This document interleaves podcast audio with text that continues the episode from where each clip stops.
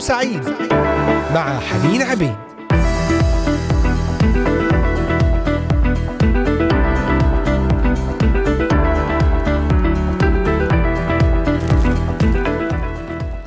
أهلا بكم أحبائي المستمعين في حلقة جديدة في يوم جديد وأسبوع جديد ونهاركم سعيد. على الهواء مباشرة معكم حنين عبيد وأصلي أن يكون وقتا مباركا وقتا فيه نختبر قوة الرب وحضوره ولمسته القوية الشافية. في كلمة الرب هناك حياة في كلمة الرب هناك بركة في كلمة الرب هناك نصرة وفي كلمة الرب لنا حرية.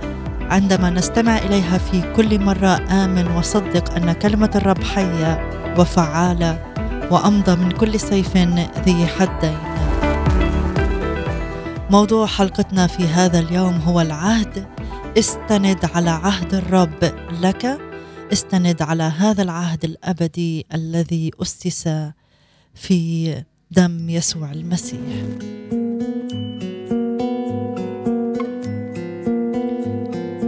وشجعكم على الاستماع إلينا من خلال قناة اليوتيوب. إذاعة صوت الأمل بث مباشر وعبر تطبيقات الهواتف النقالة Voice of Hope Middle East. وكذلك متابعتنا عبر منصتي ال Telegram وال Instagram Voice of Hope. كذلك الاستماع إلى برامجنا المختلفة لمنصات البودكاست لإذاعة صوت الأمل أنغامي Spotify Deezer Apple و Google Podcast Amazon Music و Castbox مرة أخرى أرحب بكم أجمل ترحيب ونصلي لهذا الوقت أن يكون مباركا. أن يكون مملوءا بنعمة الرب. تعالوا نرفع قلوبنا في البداية لأية احتياجات لأية أمور تواجهونها لأية أمور في النفس صراعات كآبة حزن أثقال هموم. أية خطية تصارع فيها. تريد أن تتخلص منها وتتحرر منها من كل قلبك. تعال إلى يسوع هو المحرر. تعرفون الحق والحق يحرركم. تعرفون يسوع ويسوع يحرركم. كنت تشتاق إلى أعماق جديدة مع الرب. تعال إليه. هو الذي قال تعالوا إلي. إن كنت تعاني في صراعات مع أولادك مع عائلتك أمور مادية ضيقات تحديات في العمل تعال إلى الرب سلم له كل شيء. ضع الكل عند قدميه وثق أنك ستخرج في بركة ونعمة. أبانا نشكرك على كل من انضم إلينا في هذه الأوقات وكل من تعذر عليه الانضمام لأي سبب. نصلي من أجل بركة ولمسة للجميع آذان مفتوحة وقلوب مفتوحة وأذهان مفتوحة باسمك العظيم. آمين آمين.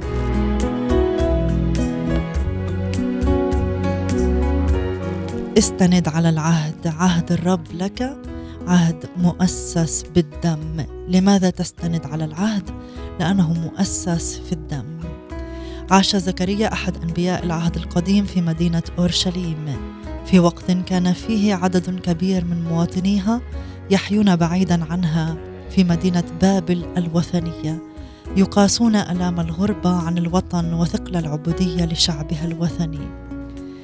حيث غزا البابليون مدينة أورشليم عدة مرات وفي كل مرة كانوا يسبون منها الكثير من سكانها ويجبرونهم على الحياة في بابل ولم يستطع سكان أورشليم المقاومة لأن الرب قد أسلمهم إلى البابليين بسبب إصرارهم على الاستمرار في خطاياهم.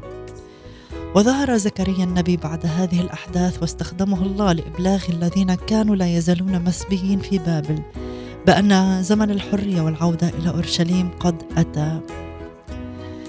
نقل إليهم زكريا هذه الكلمات وأنت؟ أي وأنت يا أورشليم فإني بدم عهدك قد أطلقت أسراك في الجب الذي ليس فيه ماء. ارجعوا إلى الحصن يا اسر الرجاء. اليوم أيضا أصرح إني أرد عليك ضعفين. يشبه الرب حالة المسبيين في بابل بالأسير الذي كان يلقى في قاع بئر عميق خال من الماء فيقاسي من الجوع والعطش ولا يقدر أن ينقذ نفسه. إنهم مثله يعيشون في حالة متدهورة للغاية يقاسون الإحساس القاتل بالعزلة ومذلة الجوع والعطش والقيود. كما يعانون أيضا من يأس شديد فلا أمل لهم في طريق بشري يخلصهم من بابل ويعيدهم إلى وطنهم الحبيب أورشليم. ثم وعد الرب العظيم لهم بأنه سيطلقكم سيطلقهم من هذا البئر العميق بابل الجب مكان المذلة واليأس. يعيدهم إلى أورشليم الحصن مكان الحماية والأمان والمجد وأنهم سيكونون مباركين ضعفين بركات عظيمة كالابن البكر الذي كان يرث ضعف نصيب إخوته في ذلك الوقت. بالفعل أنقذ الرب شعبه واعاده إلى أورشليم. هذه الآية الرائعة إني بدم عهدك قد أطلقت اسراك من الجب. ما هو العهد؟ وما المقصود أنه مؤسس في الدم؟ سوف نكمل في حديثنا بعد هذه الترنيمة مع فريق قصر الدبارة. عهدك معي ابقوا معنا. Thank you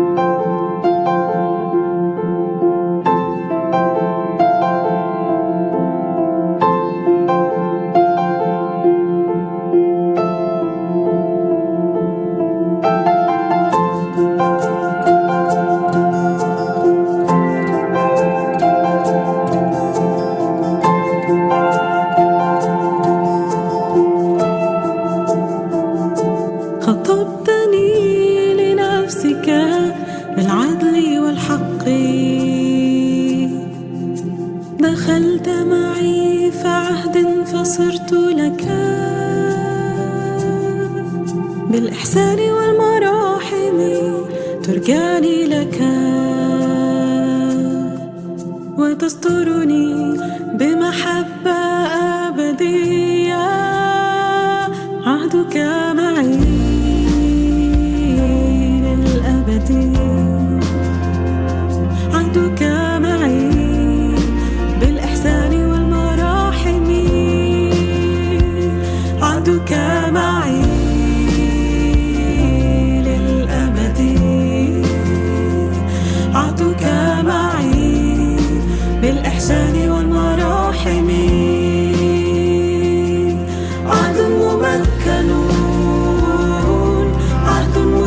cobertura.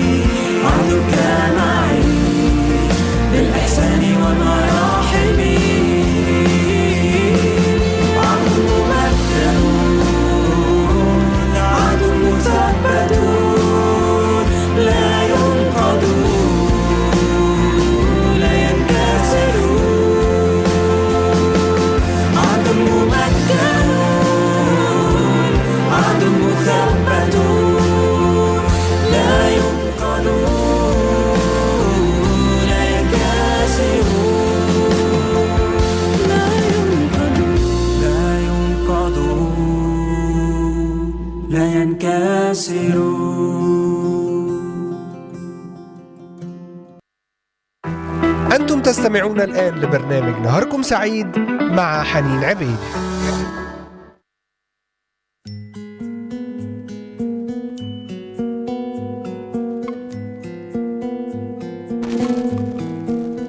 ما أجمل كلمات هذه الترنيمة. عهدك معي للأبد. عهد مثبت عهد ممكن. لماذا؟ لأنه مبني ومؤسس على دم يسوع المسيح. أحبائي وكما ذكرنا قبل الفاصل سألنا سؤال ما هو العهد؟ وما المقصود بأنه مؤسس على الدم؟ متى أعطى الله هذا العهد للنفوس المسبية في بابل؟ كما ذكرنا الآية في سفر زكريا الأصحاح التاسع الآيات الحادية عشر والثانية عشر وأنت وأي وأنت يا أورشليم فإني بدم عهدك قد أطلقت أسراك. أسراك الذين في بابل المقصود من الجب البئر الذي ليس فيه ماء. الجب الذي ليس فيه ماء رمز لبابل. يقول ارجعوا إلى الحصن. أي ارجعوا أيها المسبيين من بابل إلى الحصن إلى أورشليم. يا أسر الرجاء اليوم أيضا أصرح أني أرد عليك ضعفين. إني بدم عهدك قد أطلقت أسراك من الجب. من خلال دراستنا للكتاب المقدس نعرف أن الله أبرم هذا العهد مع إبراهيم أبيهم قبل أكثر من 1600 عام من مولدهم حين وعد الله إبراهيم بأن يعطي نسله الأرض والتي من أهم مدنها مدينة أورشليم. نقرأ في تكوين الأصحاح الخامس عشر كلمات الوحي عن هذا العهد. في ذلك اليوم قطع الرب مع أبرام أي إبراهيم ميثاقا أي عهدا. وما هو هذا العهد؟ ما هو العهد؟ هو التزام الشخص بتنفيذ ما وعد به. وعندما يدخل طرفان في عهد معا فإن كل منهما يكون ملتزما بما اتفقا عليه. قطع الرب عهدا مع إبراهيم بأن يعطي نسله أرض كنعان وما حولها وهذا يعني أن الرب ألزم نفسه بأن يفعل ذلك. وعندما طرد نسله من أرضه وصبي في مدينة بابل ظل الرب ملتزما أن يعيدهم إلى تلك الأرض مرة أخرى بسبب العهد الذي قطعه مع إبراهيم. لكن كيف يرجع هذا الشعب إلى أورشليم وقد ارتكب خطايا جسيمة استحق بسببها الطرد. كيف يتغاضى الله عنها وهو القدوس؟ كيف يعدهم من خلال زكريا أن يمنحهم بركات مضاعفة وقد تعدوا وصاياه كيف يكون عادلا وهو يعطي وعدا بالإنقاذ لهؤلاء المذنبين؟ كيف يعدهم بالبركة بدلا من العقاب؟ الإجابة أنهم عندما تابوا عن خطاياهم رأى الله الدم دم يسوع الثمين الذي يمحو من أمام عينيه كل آثامهم. لذلك أشار إلى الدم مع العهد في كلمات زكريا فهو لم يقل بالعهد معك قد أطلقت أسراك إنما بدم عهدك قد أطلقت أسراك. حين دخل الله في هذا العهد مع إبراهيم كان الدم المسفوك موجودا فالدم المسفوك هو الذي جعل الله قادرا أن يتعهد بالإنقاذ. والبركة لهؤلاء المذنبين دون أن يكون في أي مساس لعدله. لأن الدم المسفوك كما رأينا في الحلقات السابقة يعلن أن عدل الله في عقاب المذنب قد تحقق كاملا وأن عقابه قد أتى بالفعل على بديل المذنب الرب يسوع المسيح. كان الدم موجودا حينما دخل الله في عهد مع إبراهيم. كان موجودا في دم الذبائح الذي يرمز إلى الدم الثمين دم يسوع. آمين آمين. قال لإبراهيم في الأصحاح الخامس عشر عندما أبرم معه هذا العهد خذ لي عجلة ثلثية أي عمرها ثلاث سنوات وعنزة ثلثية وكبشه ثلثية ويمامة وحمامة. فأخذ إبراهيم هذه كلها وشقها من الوسط. وجعل شق كل واحد مقابل صاحبه وأما الطير فلم يشقه. هذه الطريقة التي كان يتم بها قطع العهود بين الأشخاص في القديم. لماذا؟ سنتابع بعد هذا الفاصل. أعطوا مجدا مع شباب تسبيح قصر الدبارة ابقوا معنا.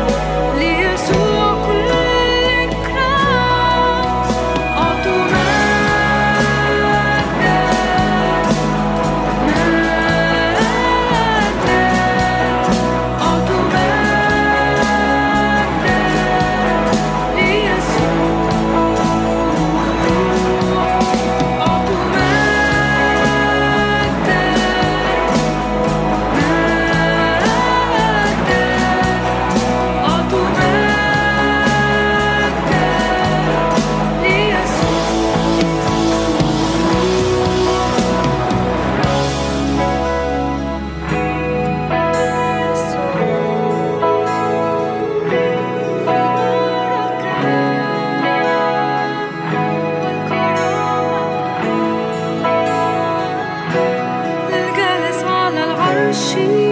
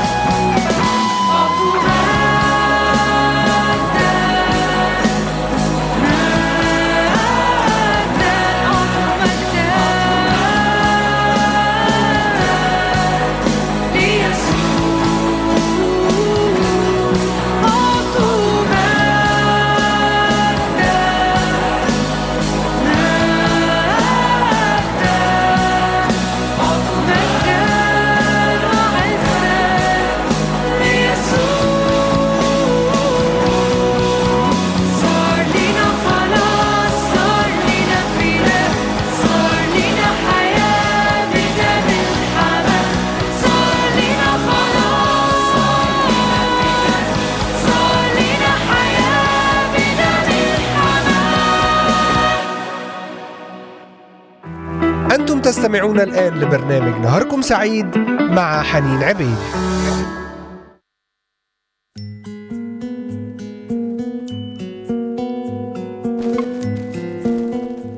صار لينا خلاص صار لينا فداء صار لينا حياة بدم الحمل. هذا الدم الذي على أساسه أقيم العهد. عهد التبرير عهد أبدي عهد ممكن عهد لا ينزع. تكلمنا أن الدم كان أساس العهد كما رأينا وتكلمنا عن عهد الله مع إبراهيم. كان الدم المسفوك موجود وقرأنا طريقة العهد في تكوين الأصحاح الخامس عشر الآيات التاسعة والعاشرة. طريقة التي كان يتم فيها قطع العهود بين الأشخاص في العهد القديم كانوا يذبحون الحيوانات. ويقطعون كل حيوان من وسطه إلى نصفين ويضعون كل نصف حيوان مقابل نصفه الآخر ثم يمر الأشخاص الذين تعاهدوا معا بين أنصاف هذه الحيوانات المذبوحة. يسيرون بينها يعلنون أنهم يلتزمون بما تعاهدوا به وإلا فليصيبهم ما أصاب هذه الحيوانات أي أن تذبح أجسامهم وتقطع. العهد كان ملزم جدا في العهد القديم. هل لاحظت مستمعي أن الكتاب المقدس قال في ذلك اليوم قطع الرب مع إبرام ميثاقا. تكوين الأصحاح الخامس عشر والآية الثامنة عشر. لم يقل أقام الرب مع إبرام ميثاقا بل قطع. هذا لأن العهد كان يتم بذبح الحيوان سفك دمه. ثم قطعه إلى نصفين. وهناك اعتقاد بأن كلمة عهد العبرية الأصلية تأتي من جذور تحمل فكرة القطع. ذبح إبراهيم الحيوانات وسالت دماؤها ورأى الله ما ترمز إليه هذه الدماء. رأى الدم الكريم وهو يسفك في المستقبل بعد عصر إبراهيم بنحو ألفي عام. رآه وهو يسفك على الصليب. فرأى عدله في عقاب الأثمة ومن بينهم أبناء إبراهيم. قد استوفى حقه تماما بصلب يسوع وموته ولهذا بإمكانه أن يلتزم بعهد لإنقاذ ومباركة أبناء إبراهيم برغم آثامهم السابقة. مع إبراهيم نظر الله إلى المستقبل ورأى الدم وهو يسفك في الصليب فقطع العهد معه. ومعنى ينظر الله إلى الماضي ليرى ذات الدم المسفوك فينفذ عهده الجديد معنا. مع إبراهيم نظر الله إلى المستقبل ورأى الدم وهو يسفك في الصليب فقطع العهد معه. ومعنى ينظر الله إلى الماضي ليرى ذات الدم المسفوك فينفذ عهده الجديد معنا. ما أعظم الرب يسوع. ما أمجد تعاملاته معنا. والحيوانات التي ذكرناها في الآية من سفر التكوين الأصحاح الخامس عشر. يقول عجلة عنزة كبشا ويمامة وحمامة. هل نلاحظ أن إبراهيم لم يختر أنواع الحيوانات التي سيذبحها وعمر كل منها؟ لكن الله هو الذي اختار. إن وراء اختيار الله لهذه الحيوانات وعمرها قصدا وهدفا عظيما. وعندما ندرس سفر اللاويين سنجد هذه الحيوانات ضمن الأنواع التي اختارها الله لتقدم منها ذبائح المحرقة والسلامة والخطية والإثم والتي تشير كل ذبيحة منها إلى جانب من جوانب صلب يسوع المسيح الذبيحة الحقيقية الكفارية عنا. أحبائي سنتوقف بعض الوقت أمام التفاصيل هذه الذبائح التي قدمها إبراهيم طاعة لله فهي تحمل الكثير من المعاني البديعة. الحيوانات الثلاثة المختارة هي حيوانات أليفة مفيدة في خدمة البشر وليست متوحشة أو ضارة للإنسان والطائران هما أيضا طائران وديعان وليسا من الطيور الجارحة. الخمسة معا يرمزون إلى يسوع الذي اقترب إلينا في وداعة فائقة. ليس ليديننا بل ليخدمنا ويخلصنا. وذهب إلى الصليب بملء إرادته في تواضع حقيقي عجيب حتى ينقذنا. وإلى ماذا ترمز باقي الحيوانات؟ سنعرف بعد الفاصل مع فريق الشباب قصر الدبارة. أسمعك تدعوني.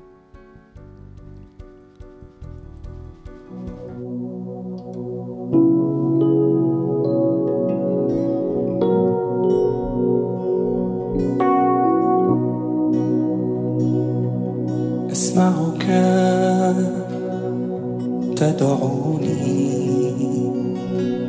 اصعد إلى هنا أمام عرشي. أريد أن أتحدث معك. فما إلى فمي؟ وجها إلى وجهي أسمعك. تدعوني. اصعد إلى هنا أمام عرشي. أريد أن أتحدث معك فمن إلى فمي وكان إلى وجهي كنت قد وجدت في عينيك أرني وجهك أرني مجدك. إن كنت قد وجدت نعمة في عينيك أرني مجدك أرني مجدك. تدعوني حبيبك تدعوني قلبك تريد أن تخبرني؟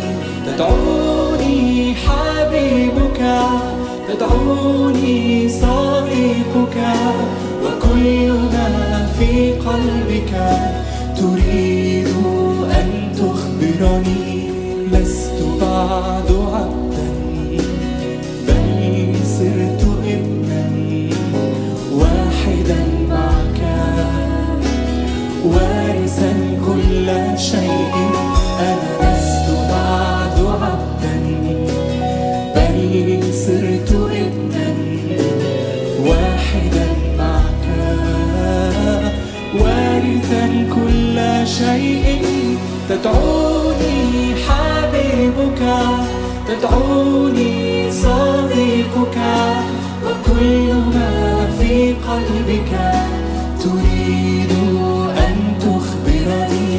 تخبرني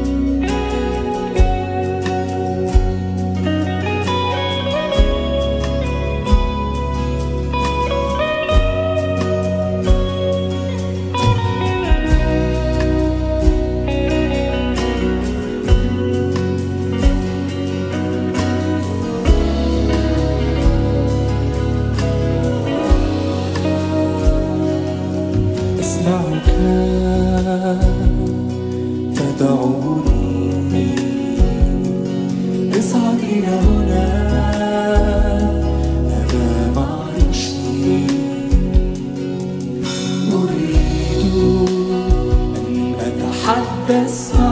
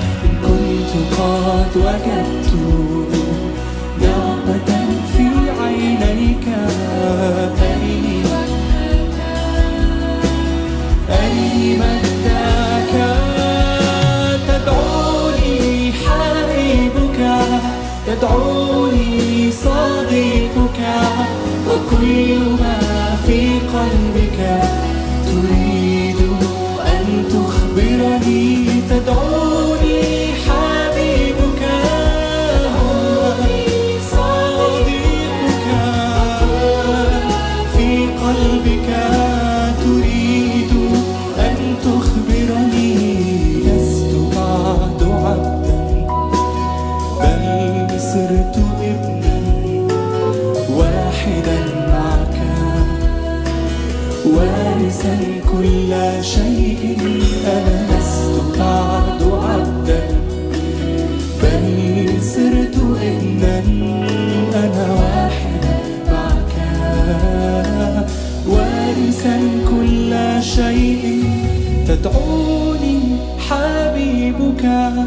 تدعوني صديقك وكل ما في قلبك تريد أن تخبرني. تدعوني حبيبك صديقك في قلبك تريد أن تخبرني.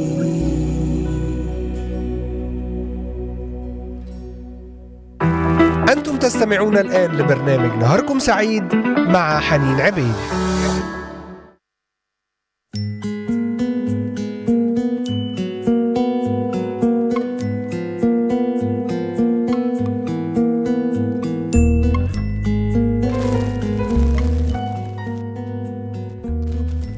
نعم أحبائي نتكلم عن العهد وهذا العهد هو مبني على أساس الدم على أساس الذبائح لأن هذه الذبائح كانت ترمز إلى الرب يسوع المسيح الذبيحة الحقيقية التي سفك الدم من أجلي ومن أجلك دم يسوع المسيح الكريم.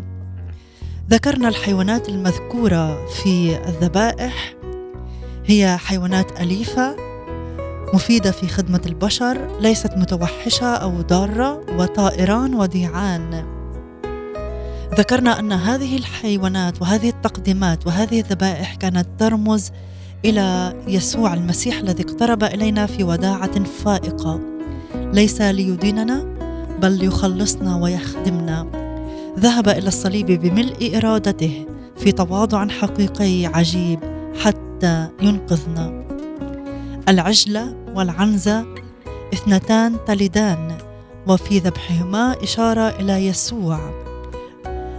ذبحه المثمر الذي أثمر ميلاد كثيرين جدا أولادا لله. هم أنت وأنا وكل من نال الخلاص. العجلة كانت تستخدم لذبيحة السلامة وفي ذبح إبراهيم لها إشارة إلى يسوع الذبيحة الحقيقية الوحيدة للسلامة. ذبح يسوع كشاة تساق إلى الذبح وكنعجة صامتة أمام جازيها كهذه الحيوانات التي كانت تذبح لكي يصبح لنا سلام مع الله وذكرها الرب أولا. لأنه لا يمكن أن يتعامل معنا على أساس عهده بدون أن يوجد سلام بيننا وبينه. ذكرها الرب أولا لأنه لا يمكن أن يتعامل معنا على أساس عهده بدون أن يوجد سلام أولا بيننا وبينه. العنزة كانت تستخدم لذبيحتي الخطية والإثم. وذبح إبراهيم لها يرمز إلى يسوع الذبيحة الحقيقية الوحيدة للخطية والإثم. فيسوع ذبح حاملا خطايانا وآثامنا لكي يزيلها عنا وينهي نتائجها الفظيعة المخيفة فلا يعود هناك ما يعوق تمتعنا بعهده معنا.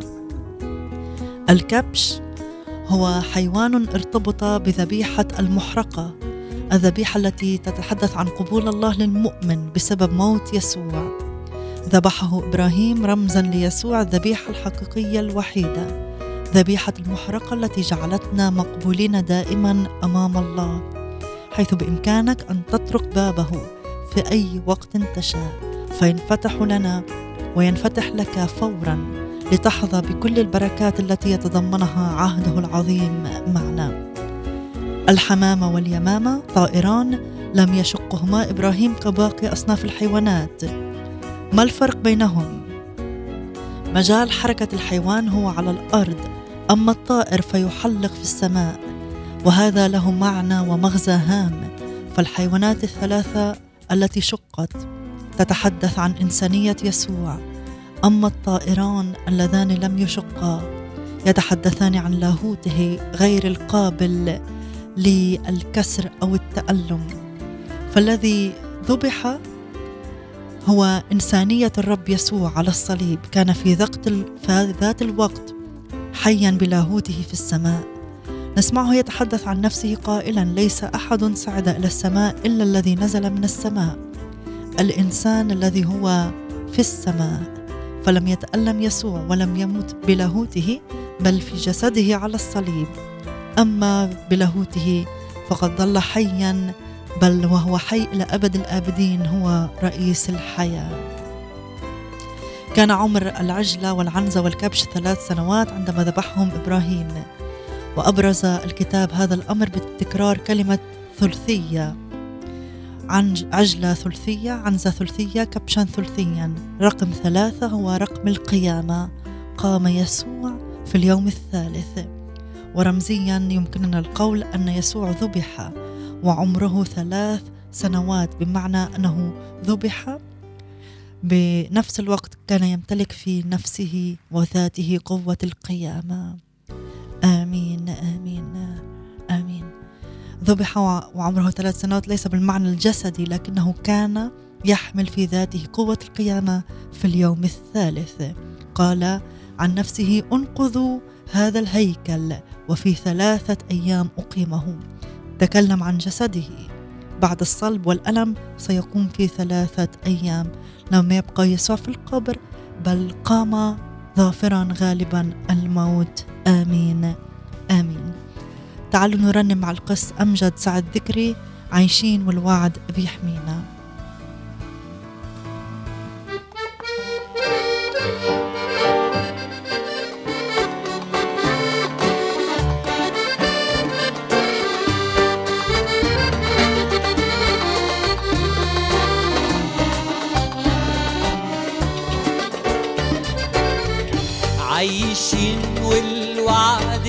بيحمينا منقوشة في كفك أسامينا تسبينا حبك تروينا.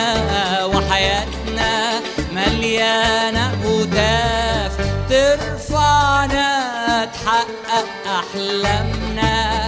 وحنانك يشفي ألمنا. وبحبك تملى أيامنا. ولا يرجع القلب يخاف يسوع يا حلوي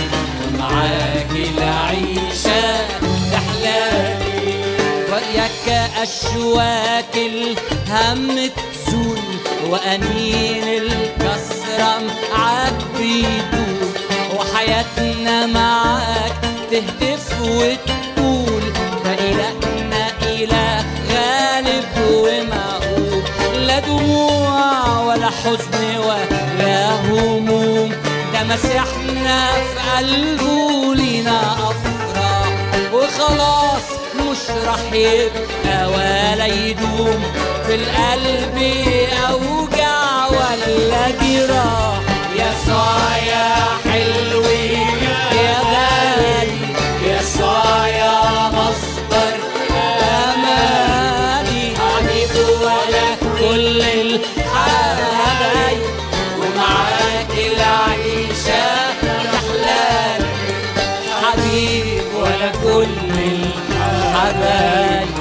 ومعاك العيشة تحلالي مجدك هيزيد جوا عنينا يشبعنا دايما.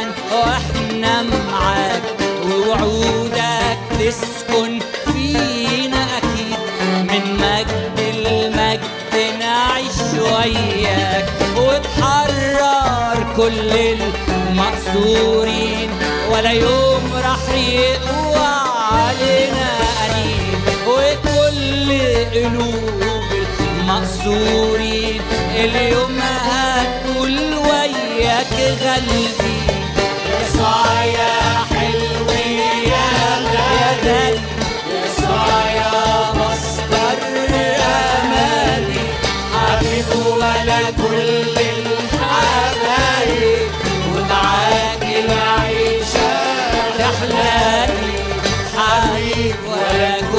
الحبايب ومعاك العيشه تحلالي حبيب ولا كل الحبايب ومعاك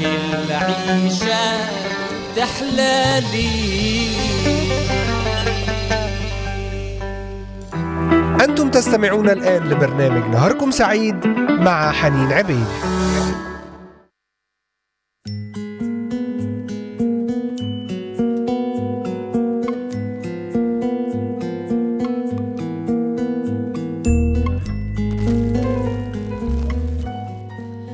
عدنا إليكم أحبائي المستمعين ونتكلم في هذه الحلقة عن العهد.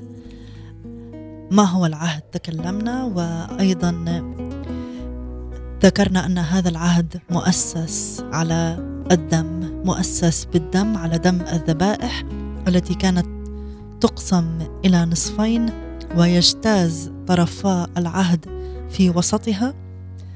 وهكذا يبرما ويتفقا في هذا العهد. ذكرنا الحيوانات التي كانت تقسم وكانت تقدم. ترمز إلى جسد الرب يسوع المسيح ترمز إليه في إنسانيته. والطائران التي كانت تذبح أيضا كانت ترمز إلى لاهوت الرب يسوع المسيح. الدم الذي رش على المذبح. ولم يكن موجودا فقط في عهد سيناء. يقول عندئذ قام موسى برش الدم عليهم وهو يقول لهم هذا هو الدم العهد الذي قطعه الرب معكم. من أين أتى موسى بهذا الدم؟ في هذه المناسبة في برية سيناء قدم موسى لله ذبائح ثم قام برش نصف دمائها على المذبح أما النصف الآخر فقام برش بعضه على الشعب والآخر على كتاب العهد الذي دون فيه موسى كلمات هذا العهد. ولا شك أن ما فعله موسى بدم الذبائح أمر غريب له معاني عميقة رمزية. الدم الذي رشه موسى على المذبح قدمه لله كفارة عن خطايا الشعب يرمز إلى دم يسوع الكفاري عن خطايا العالم يرمز أن عدل الله قد استوفى حقه. والدم الذي رش على كتاب العهد يشير إلى دم يسوع الكريم الذي يحجب عن عيني الله القدوس العادل كل كسر من جهة المؤمن لأي وصية من الوصايا المسجلة في هذا الكتاب. فلا يتعامل الله معه كقاضي عادل يعاقبه بسبب هذا الكسر بل يتعامل معه كأب يعالج أخطاء ابنه. أما الدم الذي رشه موسى على الشعب فيحمل رسالة إليهم. إنه لا يزال إنه لإزالة الكسر هذا العهد ونوال البركات. طاعة العهد إلى أن يأتي الدم عليكم ويطهركم. فالدم هو فقط الذي يطهر أمام الله. يحجب الخطايا عن عينيه فيبارك. ليس الدم الذي رشه موسى بل الدم الحقيقي الذي يرمز إليه. دم يسوع المسيح الوحيد القادر أن يطهر الخاطئ من كل خطية. له المجد والبركة إلى الأبد. اذا أحبائي تأملنا في هذه الحلقة أن العهد مؤسس على الدم دم الذبائح التي كانت ترمز إلى يسوع. العهد هو التزام الشخص بتنفيذ ما وعد به. وعندما يدخل طرفان في عهد فإن كل منهما ملتزما بما اتفق عليه. وتحدثنا عن الدم هو أساس العهد. تحدثنا عن عهد الله مع إبراهيم. الاجتياز بين الحيوانات الحيوانات التي اختارها الرب. في هذه العهد في هذا العهد الرب اختار أنواع الحيوانات. تذكرنا العجلة العنزة وذكرنا الكبش رموز إلى الرب يسوع المسيح في إنسانيته. ذكرنا أيضا الحمامة واليمامة طائران لم يشقا ولكن آه، كانا طائران لم يشقا لأنهم تكلما عن لاهوت يسوع غير قابل للألم أو الشق. نعم أحبائي المستمعين نشكر الله على هذا العهد الذي أقامه الرب معنا من خلال يسوع المسيح وموته على الصليب. اليوم أشكر الرب على هذا العهد وأنك في هذا العهد المؤسس على دم يسوع. عهد مثبت عهد ممكن. تأكد أن الرب يحبك ملتزم بعهده معك. ارجع إلى الرب. في كل مرة تخطئ تعال إليه. ليس على أساس أعمالك لكن على أساس دم يسوع المسيح في عهده معك. آمين آمين. تعالوا نختتم مع فريق بيت المجد وترنيمة من هو هذا ملك المجد. إلى لقاء جديد في حلقة جديدة بنعمة الرب. من هو هذا مالك المجد؟ الرب القدير الجبار في القتال من شطاي أدوناي يهوى السباؤون. أمامه شاور على الرب. من هو؟ من هو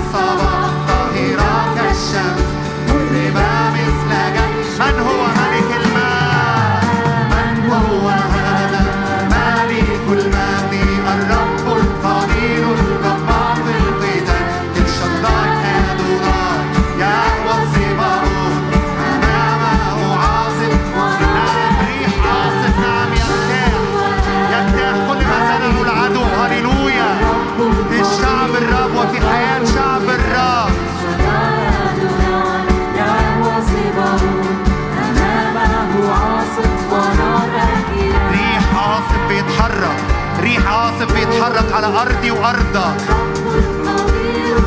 نعم إني أحطم أشور في أرضه قال الرب. شعب الرب أسد أسد خارج ورا الأسد.